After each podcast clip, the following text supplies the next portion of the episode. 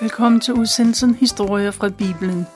Mit navn er Tove Christensen, og teknikken sidder Jan Nørgaard. I dag fortæller jeg nogle af det, der står i 2. Samuels bog i det gamle testamente. Og denne udsendelse handler om mødet mellem to unge mennesker.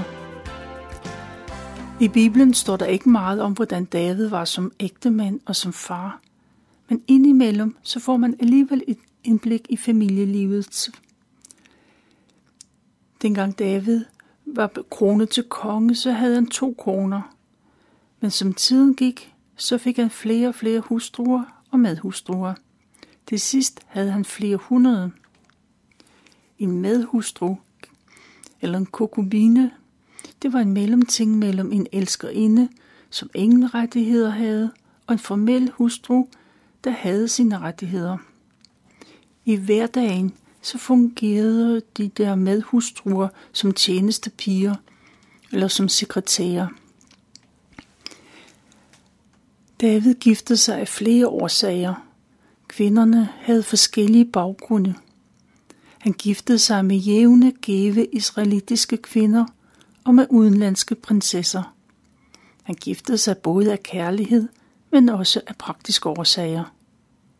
Flere nabokonger, de kom med deres døtre, for at de kunne blive gift ind i Israels kongehus. Det skabte gode alliancer mellem dem selv og den magtfulde David. Davids udenlandske koner, de havde andre traditioner og en anden tro. Men David forbød dem at udyrke de afguder, som de havde med hjemmefra, og den regel overholdt de til synlædende. For David troede på, at Israels Gud var den eneste sande Gud, og det var ham, man skulle tilbe. Det gjaldt både for ham selv, for hans familie og for landets indbyggere. I kong Davids palads var der mange børn og unge, og de var helt eller halvsøskende. David var, som, var far til dem alle, men de havde jo forskellige mødre. Og der var børn i alle aldre.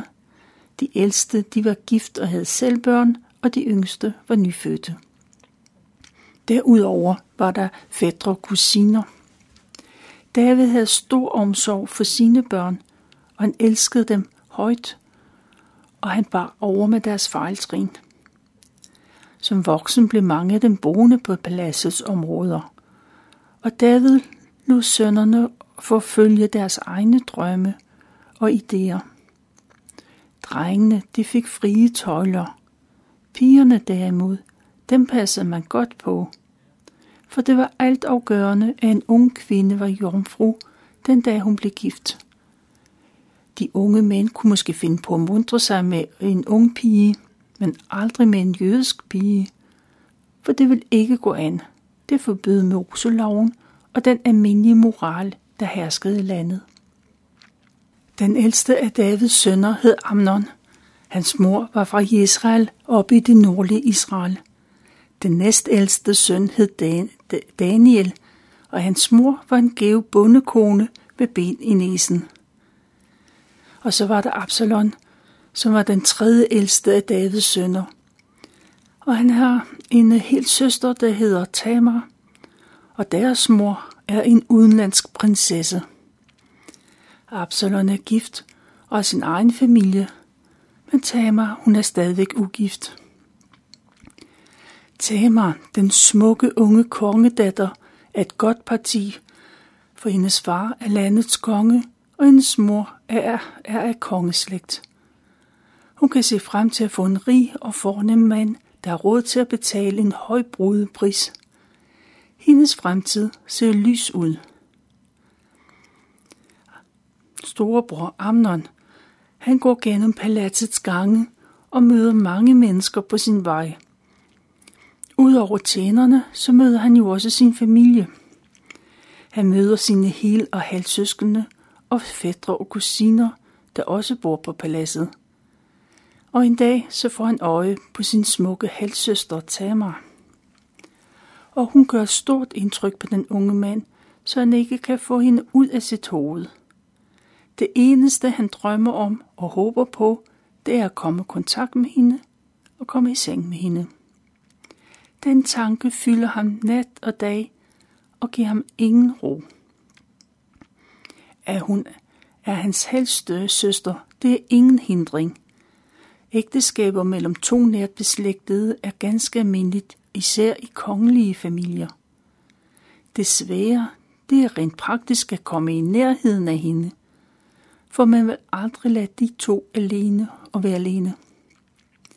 Amnon prøver flere gange at tale med hende på tomandshånd, men der er altid en eller anden i nærheden, så han får ikke en chance for at forføre hende. Han burde vide bedre, men han er ung og er kongens ældste søn, så han tager ikke et nej eller en udfordring for gode varer. Han plejer at få det, han gerne vil have. Men tiden går, og Amnon han hænger mere og mere med hovedet. Han er trist til mode, og det bliver værre og værre. Han ved ikke, hvad han skal gøre. En dag så møder han sin fætter og ven. Fætteren er søn af Davids bror, og han er en ung mand, der er fuld af gode idéer. Fætteren spørger, hvad der er i vejen. Han ser så trist ud, og det passer sig ikke for en kongesøn. Ham, som er så privilegeret og har det så godt, han kan ikke tillade sig at gå rundt og hænge med hovedet. Og Amnon, han vælger at betro sig til sin fætter. Han fortæller, at han er forelsket i Tamar. Hans højeste ønske, det er jo at komme i seng med hende. Hans begær fylder hele hans liv. Aha, siger fætteren. Det er der råd for. Og så udtænker han en plan. Amnon, han skal lade, som om han er syg, og han kan ikke stå ud af sengen. Og så vil hans far, kong David, komme og se til ham. Det er fædren sikker på, for David han er en omsorgsfuld far. Amnon siger, skal sige til sin far, at han er dårlig og ingen appetit har. Men måske vil det hjælpe, hvis hans søster Tamar kommer. Hvis hun kan pleje ham og lave mad til ham, så kan han måske spise lidt. Det er en god plan, og næste morgen bliver Amnon liggende i sengen. Og hans far hører, at han er syg, og kommer til at se, han kommer for at se til sin søn. Og Amnon siger med svag stemme, at han er dårlig og har ingen appetit. Men hvis Tamar kommer og kan få lov til at lave nogle af sine lækre kager til ham, så kan han måske spise lidt. Og David får sin søn. Der bliver sendt bud efter Tamar. Hun skal komme og bage nogle af de kager, hun er så god til. David går. Han er sikker på, at hans søn nok skal komme sig. Ikke længe efter så kommer Tamar, og hun går straks i gang med at ælte dig og bage kager. Imens nyder Amnon synet af sin ældste, elsken kære søster. Han ligger i soveværelset og kan se gennem den åbne dør.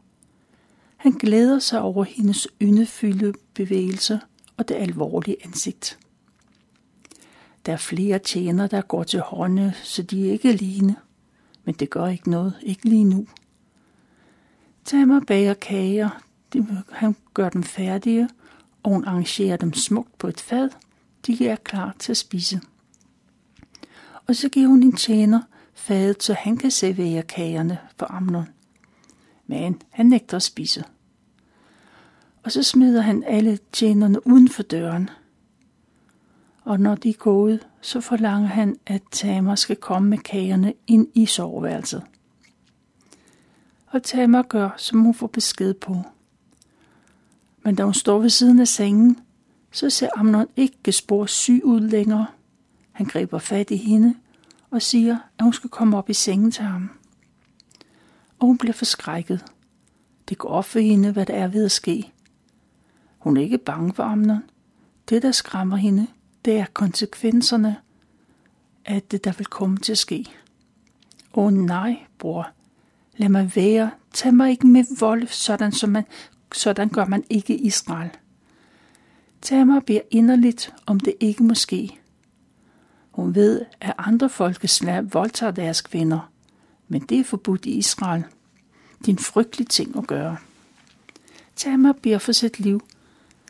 Han må også tænke på hende. Hvordan skal hun holde den skam ud? Og hvad med ham selv? Han vil miste sin ære og værdighed, hvis det bliver kendt. Nej, siger hun. Hvis Amnon holder af hende, så skal han gå til kongen og bede om tilladelse til, at de kan gifte sig. Det er den bedste løsning, og det vil være en værdig måde at gøre det på.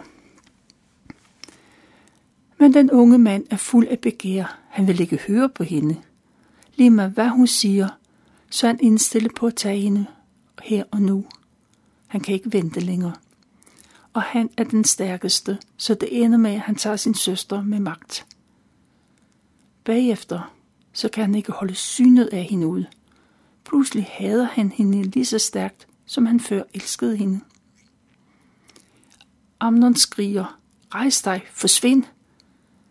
Men den stakkels unge pige græder og beder igen om, at de kan få ordnet forhold.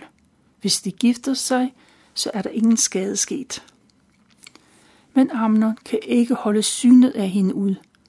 Han kalder på tjenerne og giver dem ordre til, at denne kvinde skal smides ud. Døren skal låses efter hende. Tamar står uden for døren og er dybt fortvivlet. Hun er mærket for livet, men hun er også fred. Amnon skal ikke slippe godt fra det, han har gjort. Hendes liv er for altid ødelagt, og hun vil gøre alt for, at hans liv også bliver ødelagt. Tamar har en langærmet kjole på, sådan som ugifte piger plejer at have. Hun river kjolen i stykker og strør aske på hovedet, for det er den almindelige måde at vise sin sorg og sin fortvivlelse på. Tamar løber skrigende gennem paladset med, øjnene, med hænderne for øjnene. Alle kommer ud af deres døre for at se, hvad der sker. Storebror Absalon kommer også til, og han stanser sin søster og prøver at berolige hende.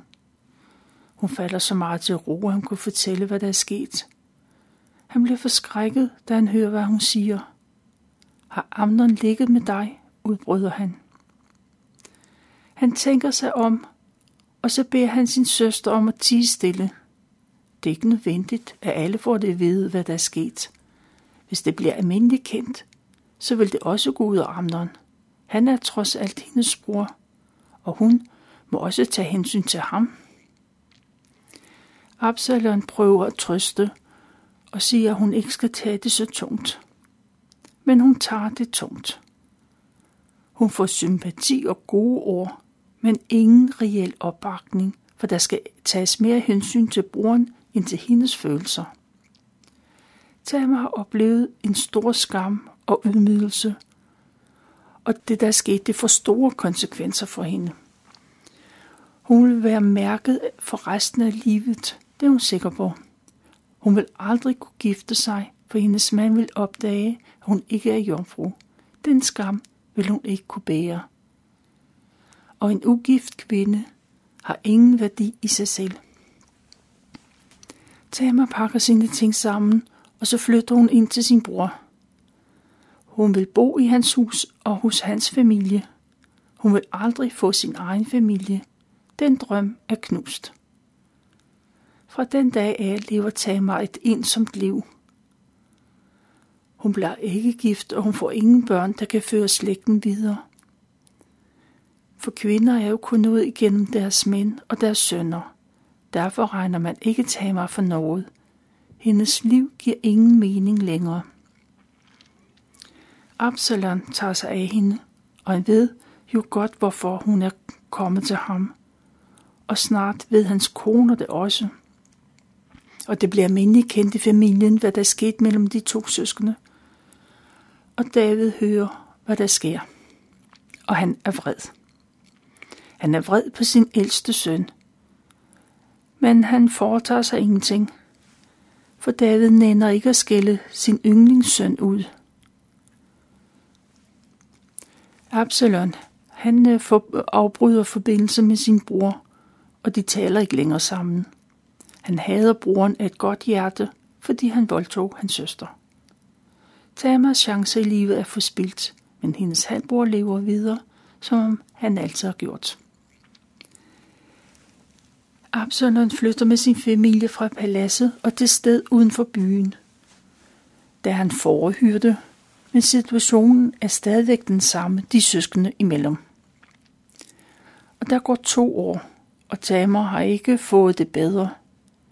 Hver dag ser Absalon sin søster, og hun bliver mere og mere grå og trist. Det kan ikke blive ved med at gå på den måde. Og Absalon beslutter, at Amon han ikke skal have lov til at leve videre, som om intet er hent. En dag er Absalon ude og klippe for, og så træffer han sin beslutning. Da alle foran er klippet, så spreder der sig en glæde og taknemmelighed over, at det alt er godt overstået. De har fået en masse uld, der skal sælges. Det er en stor del af familiens årlige indtægt, der kommer ind på den måde. Og Absalon han inviterer til foreklippefest. Og det år skal være anderledes, end det plejer at være. Man, plejer, man slagter og bager, koger og steger i lange baner og inviterer familier og naboer for at fejre begivenheden. Ligesom man andre steder gør med høstfest. Absalon beslutter, at det år også vil invitere sin far og sine brødre med til festen. De skal alle sammen komme til hans foreklippefest. Kong David får indbydelsen og siger nej tak på alles vegne.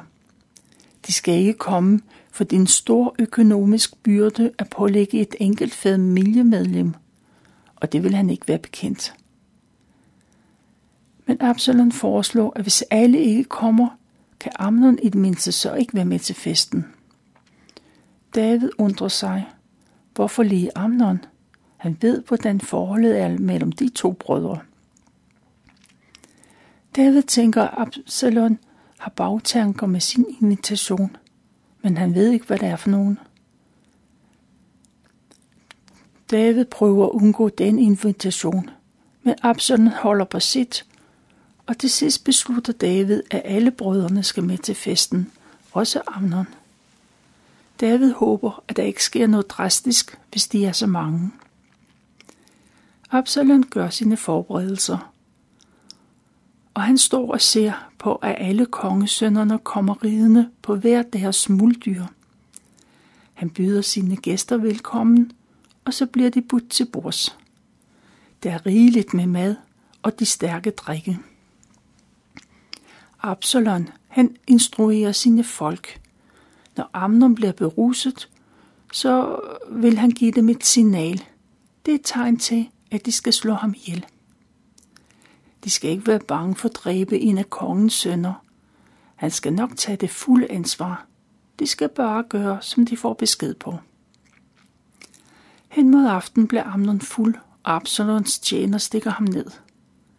Det skaber panik, og alle brødrene springer op. Skrækslagene løber de hen til deres muldyr og flygter. De redder alt, hvad de kan, men rygterne løber i forvejen. Før sønderne når at komme hjem, så hører David, at Absalon har slået alle brødrene ihjel. Kongen er skræmt og dybt fortvivlet, og i sin store sorg river han sit tøj i stykker. Han kaster sig ned med ansigtet mod jorden, og tjenerne gør det samme. Og så kommer der besked om, at det er jo ikke alle kongesønnerne, der er dræbt. Det er kun Amnon. Absalon har dræbt Amnon. Og der står en vagtpost på Jerusalems bymur, og han får øje på en gruppe mennesker, der kommer nærmer sig. Han er sikker på, at det er kongesønnerne, og han skynder sig ind til kongen med den gode nyhed. Der går ikke længe, før sønnerne står ved siden af deres far. De græder og hulker over deres døde bror, og så græder David og hans tjener også. Absalon. Han ved, han har et problem. Da hans brødre er væk, så skynder han sig at pakke sammen og flygter ud af landet. Han forlader sin kone og børn og tager sig til sin morfar, kong Tanmai. Og der bliver han i næsten tre år. Han tør ikke komme hjem, før han har hørt fra sin far. David, han har mistet to af sine sønner på den samme dag. Hans yndlingssøn, den ældste, er myrdet, og den tredje ældste er flygtet ud af landet. David sørger over sin døde søn, men med tiden så mildnes sorgen. Han begynder længes efter at se Absalon igen. Men selvom der er gået tre år, så har han stadig blandede følelser over for Absalon. Kong Davids herrefører og fortrolige ser, hvor meget David tænker på Absalon. Han forsøger at hjælpe, og det lykkes også til dels, men det er ikke let for David at tilgive sin søn. Det er, hvad jeg har valgt at fortælle fra 2. Samuels bog, kapitel 13.